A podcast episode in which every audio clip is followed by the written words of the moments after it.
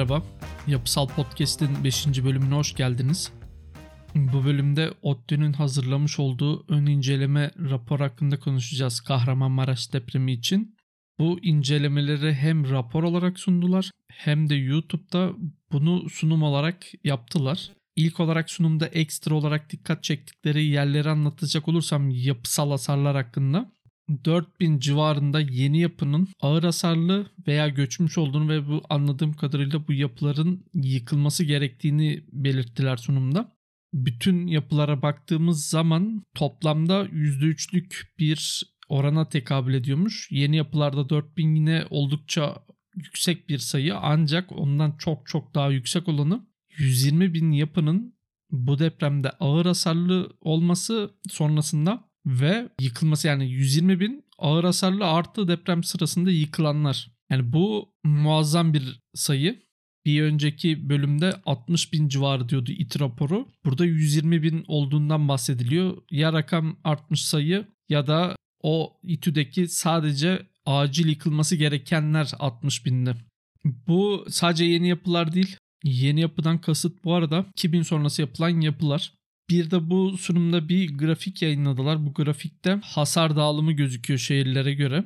Ve dikkat çekici nokta bana göre yapılarda ya hafif hasar ya da hasarsız yapılar yani o şehir, şehirlerdeki bütün şehirler için geçerli bu dediğim. Bir iki tane istisna var orada ağır hasarlı pek yok. Onları çıkarıyorum orada zaten ciddi imeler de meydana gelmedi. Hasar dağılımına baktığımızda yapıların çok çok büyük oranda ya hasarsız ve hafif hasarlı olduğunu ya da ağır hasarlı veya yıkılmış olduğunu görüyoruz. Orta hasarlı diye tabir edilen yapıların neredeyse olmadığını görüyoruz oransal olarak. Bu bize şunu anlatıyor. Yapılar ivmelerin büyüklüğünden ziyade mühendislik veya işçilik hataları nedeniyle yıkılmış. Niye böyle düşünüyorum? Yapılar düzgün tasarlanmış ve ciddi ivmeler gelmiş olsa ağır hasar alıp yıkılanlar kadar orta hasarlı da olması gerekiyor. Hatta ondan daha fazla olması gerekiyor. Yani iyi bir mühendislik hakim olsa genel anlamda en düşük orana sahip hasar grubunun ağır hasarlı ve yıkık olması gerekiyor. Orta hasarlının hiç olmaması neredeyse yani hiç olmaması demek yapıya hasar verecek bir iğme geldiği zaman çok büyük oranda yapıların göçtüğünü anlatıyor bu hasar tablosu bize. Ciddi bir iğme gelmediği zaman da hafif hasarlar aldığını ve hasarsız atlattığını görüyoruz. Yani orta hasarlı yapı yok demek bizim aslında bu depremde düzgün tasarlanıp ayakta kalabilen yapımız yok demek gibi bir şey. Çünkü hafif hasarlı yapılara ciddi ivme gelmemiş demektir. Bu iyi mühendislikle açıklanabilecek bir şey değil. Ben çok iyi tasarladım o yüzden hasar yok gibi bir şey yok. Çünkü yönetmelikler öyle tasarlatmıyor mühendise. Türkiye zaten hani bu konuda sıkıntılı bir ülke. Yönetmeliğin istediği minimumun da altında yapmaya çalışan müteahhitlere, mühendislere sahip. O bakımdan hasarlı veya hafif hasarlı olması için bu depremde veya herhangi bir depremde yönetmeliğin istediğinin üzerinde yapmaları gerekiyor. Çünkü yönetmeliğin tasarım depremi bu depremde yani ivmeleri meydana geldi. Ancak hafif hasarlı olabilmesi için belli bir ivme var. O ivme atıyorum tasarım ivmeleri bu deprem için 0.6G olsun bir yerleşim yerinde. Bunu deprem kuvveti azaltma katsayısıyla böldüğümüz zaman o da 6 olsun yönetmelik ve taşıyıcı sistemimiz yapının özellikleri nedeniyle 6 almamız gerekiyor olsun. 6'ya böldüğümüz zaman 0.1G çıkıyor. Mühendis de yapısını aslında bu 0.1G'ye göre tasarlıyor dayanım açısından. Bu şu demek. Bu yapıya 0.1G ivme geldiği zaman yapıda hasarlar meydana gelmeye başlayacak demek. Çünkü lineer ötesi davranışa geçiliyor. Davranışta yapıda hasar olarak gözüküyor. Hasar meydana getirmesi gerekiyor. Bu gözükmediği için bu 01G'yi de yönetmeliğin yaptığı kabuller, güvenlik katsayıları vesaire gibi güvenli tarafta kaldığımız sebeplerden dolayı 0.1G olmasın 0.2G olsun. Hasarsız yapılara bu 0.2G hani tahmini olarak burada 0.2 yani farazi konuşuyorum bir örnek anlatmak için 0.2G'den az bir ivme değeri gelmiş demek yer ivmesi olarak. Hafif hasarlarda o 0.2G yeni gelmiş demek. Bu dediklerim yönetmeliğe göre düzgün tasarlanmış yapılar için geçerli. Bu bakımdan hasarsız ve hafif hasarlı yapılar benim için ivme değerlerinin az geldiği yapılardır. Kötü mühendislik olması gerekmiyor. Yapı bize bunu söylüyor. Ağır hasar almış yapılarda dayanımı aşıldığı zaman anında göçtüğünü tahmin ettiğim yapılar. Çünkü orta hasarlı yok. Anında göçtü veya ağır hasar aldı. Bu bakımdan çok kötü bir tablo var mühendislik açısından, Türk mühendisliği açısından veya işte inşaat sektörü açısından. Bu ODTÜ sunumunda da dile getirildi. Bu yeni yapıların, 2000 sonrası yapıların geçmiş depremlerde başarılı görüldüğünden yani başarılı olduğu tahmin edildiğinden bahsetti. Ama bunlar tabii ki tasarım depremine yaklaşan depremler değildi. Ne bu depremler Van depremi mesela İzmir depremi, Elazığ depremi gibi depremler oldukça sınırlı yıkımın, hasarın olduğu depremlerde ancak bunlar için herhangi bir sorun oluşturmaması gereken depremlerdi zaten. Bunları ben yazılarımda defalarca dile getirmiştim ve tasarım depremi geldiğinde çok ciddi yıkımların yeni yapılarda da ve hasarların meydana geleceğinden bahsetmiştim. Mühendislik açısından da bu ODTÜ sunumunda sunum yapan profesör, akademisyen ya da doçent neyse bilmiyorum tam. Kişi mühendislik açısından özellikle konut sektöründe rezil diyebileceğim yani Türkçe öyle çevirebileceğim mühendislik olduğunu, mühendislik olmadığını hatta Türkçe slide'da öyle yazmıştı hatırladığım kadarıyla. Mühendislerin programda ne yapıp ne ettiğini bilmediğini tekrarladı. Özellikle sıradan konutların tasarımı konusunda çok kötü mühendislik var. Yine aynı akademisyenin sunumunda bizim kolon kiriş birleşim bölgelerini tasarlayamadığımızdan bahsediyor. Bunun nedeni bu depremde de bundan önceki depremlerde de bütün depremlerde Türkiye'de yaşanmış en büyük kıma neden olan kusurlardan biri. Başlıca sebep bu konu hala da anlaşılabilmiş değil. Bu konuda yakın zamanda bir tartışma yapmıştım. O tartışmada gördüğüm kadarıyla bu hesabın aslında ne olduğu ne olmadığı anlaşılmamış. Anlaşılmıyor Türk inşaat sektöründe. Bu bakımdan bir podcast çekmeyi düşünüyorum. Oldukça kritik bir konu.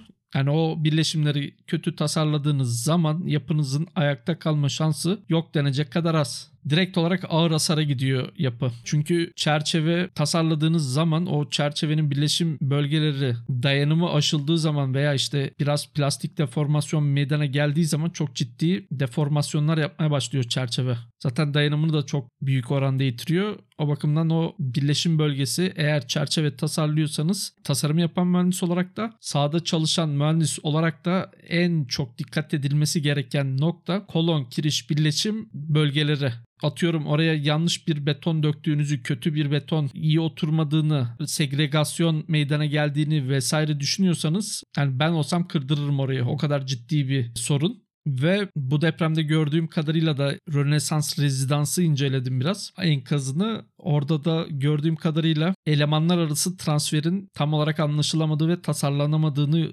görüyorum mühendislerde. Bu tam olarak deprem mühendisliğine girmiyor. Bu betonarme veya işte mekanik bilgilerle alakalı bir konu. Döşemeden perdenin o kuvvetleri alabilmesi için donatı düzeninin detaylandırılmasının iyi olması gerekiyor ki o gelen kuvveti alabilsin. Buralarda da sorunlar var. Ancak ondan çok daha basit temeldeki sorunlar var. Bu depremde yine ODTÜ raporunda da sunumunda da bahsedilmiş. Yumuşak kat en çok yıkımın meydana gelmesinin sebeplerinden biri kolon kiriş birleşimiyle birlikte.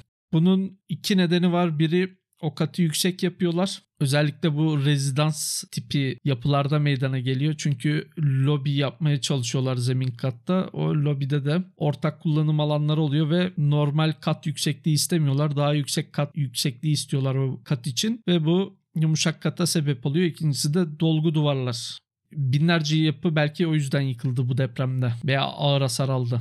ODTÜ raporunda 2002 öncesi yapılardaki yıkımın ana nedeni olarak tipik olarak yani ezberlemişsinizdir artık. Düşük beton dayanımı, nervürsüz donatı kullanımı, kötü donatı detaylandırılması ve yumuşak kat gösterilmiş. Yumuşak kat oluşumunun ana nedeni olarak da zemin katta bulunan dükkanlar gösterilmiş ve burada ol, bulunmayan dolgu duvarlara dikkat çekmişler. O bakımdan da yumuşak kat oluştuğunu söylemişler. Sorun belki artık 50 mi 60 sene mi kaç sene bilmiyorum hala çözülebilmiş bir sorun değil anlaşılan. Yine sık rastlanan bir göçme tipi olarak da yapıların devrilmesinden bahsedilmiş. Bu hem temeli tasarlarken hem de yapıyı devrilme tahkiki yaparken kontrol edilmesi gereken bir nokta. Oldukça da basit bir hesap.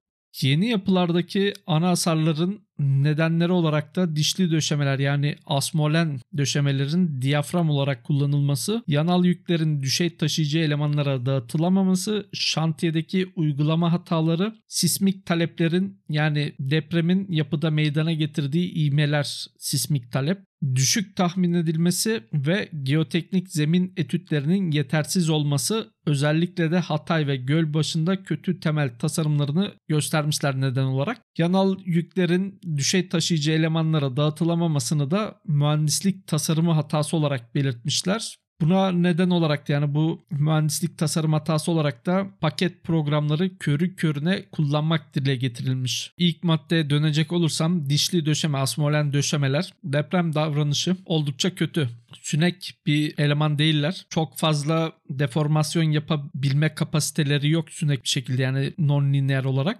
deprem riski yüksek bölgelerde kullanılmaması gerekiyor. Yönetmelikte de bu oldukça sınırlandırılmaya çalışılmış. Ancak bu tarz risk grubu yüksek tasarım yaparken hem tasarımın oldukça iyi olması hem de işçiliğin iyi olması gerekiyor. Ben açıkçası asmolen döşemeyi deprem riski yüksek bölgelerde katiyen kullanmazdım bir mühendis olarak tasarımımda. Diyafram olarak kullanılmasından da bahsedilen burada döşemeler deprem yükünü alıyor ya da o döşemede oluşuyor deprem yükü. Çünkü bir katın ağırlığının çok büyük oranı döşemeden geliyor veya döşemenin üzerinde bulunan kullanım yüklerinden meydana geliyor. Döşemeler de bu yükü alıp diğer düşey taşıyıcı veya yatay taşıyıcı sisteme bu yükü dağıtması gereken elemanlar. Ancak hem siz bu döşemeyi kötü tasarlarsanız hem de taşıyıcı sisteminiz de kötü olursa bu yükü dağıtamıyor. Şantiyedeki uygulama hataları denmiş. Türkiye'de birçok uygulama hatası yapılıyor. Buna işçilik hataları deniyor. Ancak bu sadece işçilik hatası değil. Mühendislerin de bilgisizliğiyle yaptığı bir ton uygulama hataları var. Yine raporda geoteknik zemin etütlerinin yetersiz olmasından bahsedilmiş. İnşaat Mühendisleri Odası'nın yaptığı bir webinar gibi bir şey izlemiştim YouTube üzerinden. Geoteknik üzerineydi. Orada konuşan akademisyendi, profesördü zannediyorum bilmiyorum nerede hatırlamıyorum şu an. O şeyden bahsetmişti sondaj yaptırıldığını aynı projede iki farklı şirkete hemen hemen aynı noktalardan dip dibe iki farklı şirketin de iki bambaşka sonuçlar verdiğinden bahsediyordu ve bunu sık rastlanan bir şey olduğunu dile getiriyordu. O bakımdan hani etüt yaptırsanız bile o etütlerin ne kadar doğru olduğu, o numunelerin ne kadar zarar vermeden, verilmeden alındığı, ne kadar doğru analiz edildiği vesaire hep soru işareti. Bu bakımdan burada hem uygulamada hem de o zemin etüdünü yapan mühendisin hataları olabilir. Mühendis de o etüdün yapılan analizlerin hatasını anlayabilecek deneyimde bilgi seviyesinde olmayabilir. Bu bakımdan anladığım kadarıyla zemin etütlerinde sıkıntılar mevcut ciddi oranda Türkiye'de. Son olarak da bu taşıyıcı sistem tasarımı ve paket programı körü körüne kullanmak dile getirilmiş. Bunu şöyle düşünebilirsiniz.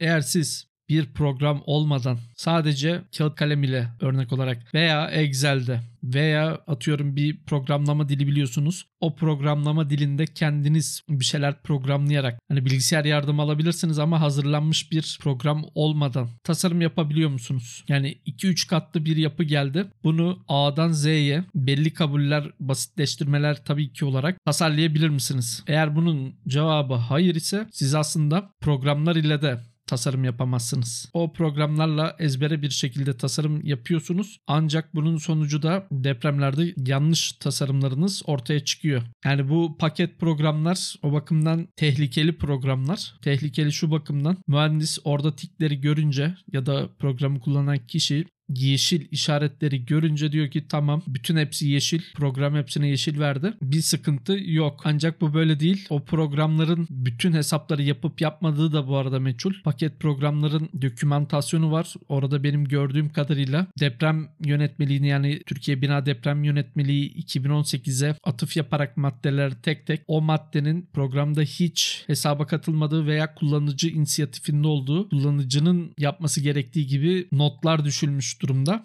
Tabii bu bahane değil mühendis için. Mühendis o programı bir araç olarak görmesi gerekiyor ve o şekil kullanması gerekiyor. Yani o programın hata yaptığını anlayabilecek kapasitede olması gerekiyor. Başında oturan kişinin. Bunun çözümü de iyi eğitimden geçiyor. Başka bir çözümü yok.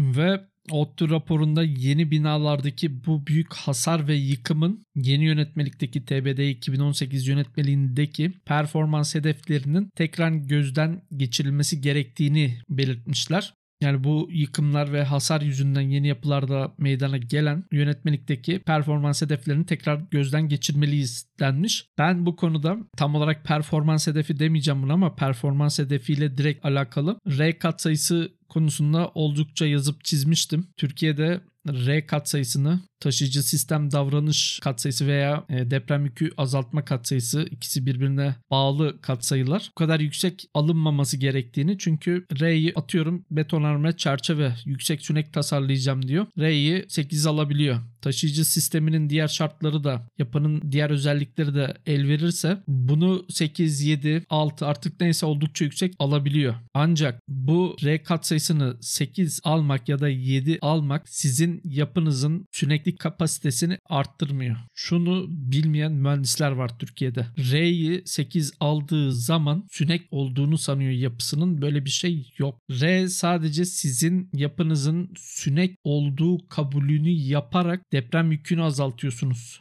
Bu. Yani R'yi 1 alarak da yüksek sünek tasarım yapabilirsiniz. 8 alarak da aynı sünekliğe sahip yapı tasarlayabilirsiniz. Daha bunu çok çok büyük oranda bilmeyen mühendislerin olduğu bir ülkede betonarme çerçeveye dayalı ve bu kadar yüksek süneklik kapasiteleri ve talepleriyle tasarım yapmak mantıklı bir şey zaten değildi. Bunu dile getirdim defalarca. Çünkü bu kadar yüksek süneklik talepleriyle olası süneklik, beklenen süneklik talebi diyeyim buna. Bu bunlarla hesap yapabilmeniz için iyi mühendisliğinizin ve iyi işçiliğinizin olması gerekiyor. Ben bu ikisinin de Türkiye'de bulunmadığı görüşüne sahibim bu performans hedefinin tekrar gözden geçirilmesi vesaire de bence bu bakımdan bence performans hedefi gözden geçirilirken kısaca R'nin kısıtlanması gerektiğini düşünüyorum ben. Bu R katsayıları Amerikan yönetmeliğinden birebir alınmış durumda. Amerika'daki mühendis ve Amerika'daki işçiler Türkiye'de yok. Keşke olsa o zaman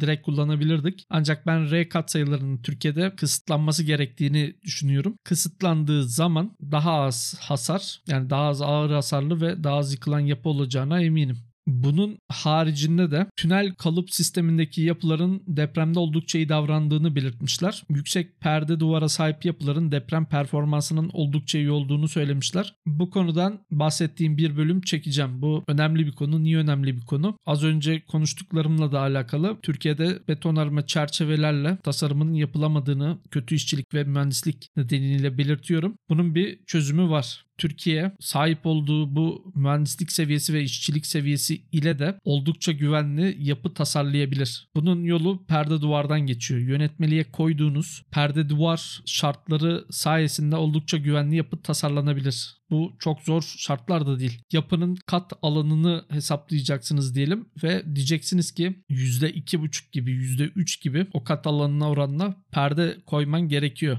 Bu tarz şartlar koyduğunuz zaman depremde çok daha iyi sonuçlar veren yapılar tasarlanabilir. Bu dediğim Şili'de denenmiş ve oldukça başarılı olduğu görülmüş bir metot. 85 yılında daha denenip görülmüş. 2023'teyiz. 40 sene geçmiş neredeyse. Niye bu tarz bir şartın Türkiye'ye getirilmediğini açıkçası bilmiyorum maliyet dolayısıyla çok büyük ihtimal. Hangisi daha maliyetli artık anlamış olmamız gerekiyor. Depremden sonra yıkılanları tamir edip yeniden inşa etmek mi? Yoksa direkt depremde yıkılmayacak yapılar tasarlamak mı? Bu bakımdan yani %100 şekilde Türk yönetmeliğine, deprem yönetmeliğine betonarme şartı getirilmesi gerekiyor her yapı için. Hani şey demiyorum. Perdesiz sadece çerçevelerden oluşan sistemler depreme dayanamaz demiyorum. Bu konuştuğum Türkiye için. Bunu dile getiren Uğur Ersoy gibi, Mete Sözen gibi Türk profesörler de var. Bu ikisi herhalde Türkiye'nin en ünlü alanında en iyi 3-4 profesöründen biridir. Özellikle Mete Sözen Purdue Üniversitesi'nde profesördü. Kendisinin yaptığı bir araştırma var. Araştırmada şu yapıdaki kat alanına göre kolon ve perde oranlarını hesaplamışlar. İstatistiki bir araştırma bu. Ve bu yapıların depremde aldığı hasarları incelemişler. Dediğim gibi %2,5'tan sonra çok çok sınırlı oranda ciddi hasar meydana geldiği görülmüş yapıda ve bu perde oranı ne kadar artarsa yapının da depremde o kadar iyi davrandığı gözlemlenmiş.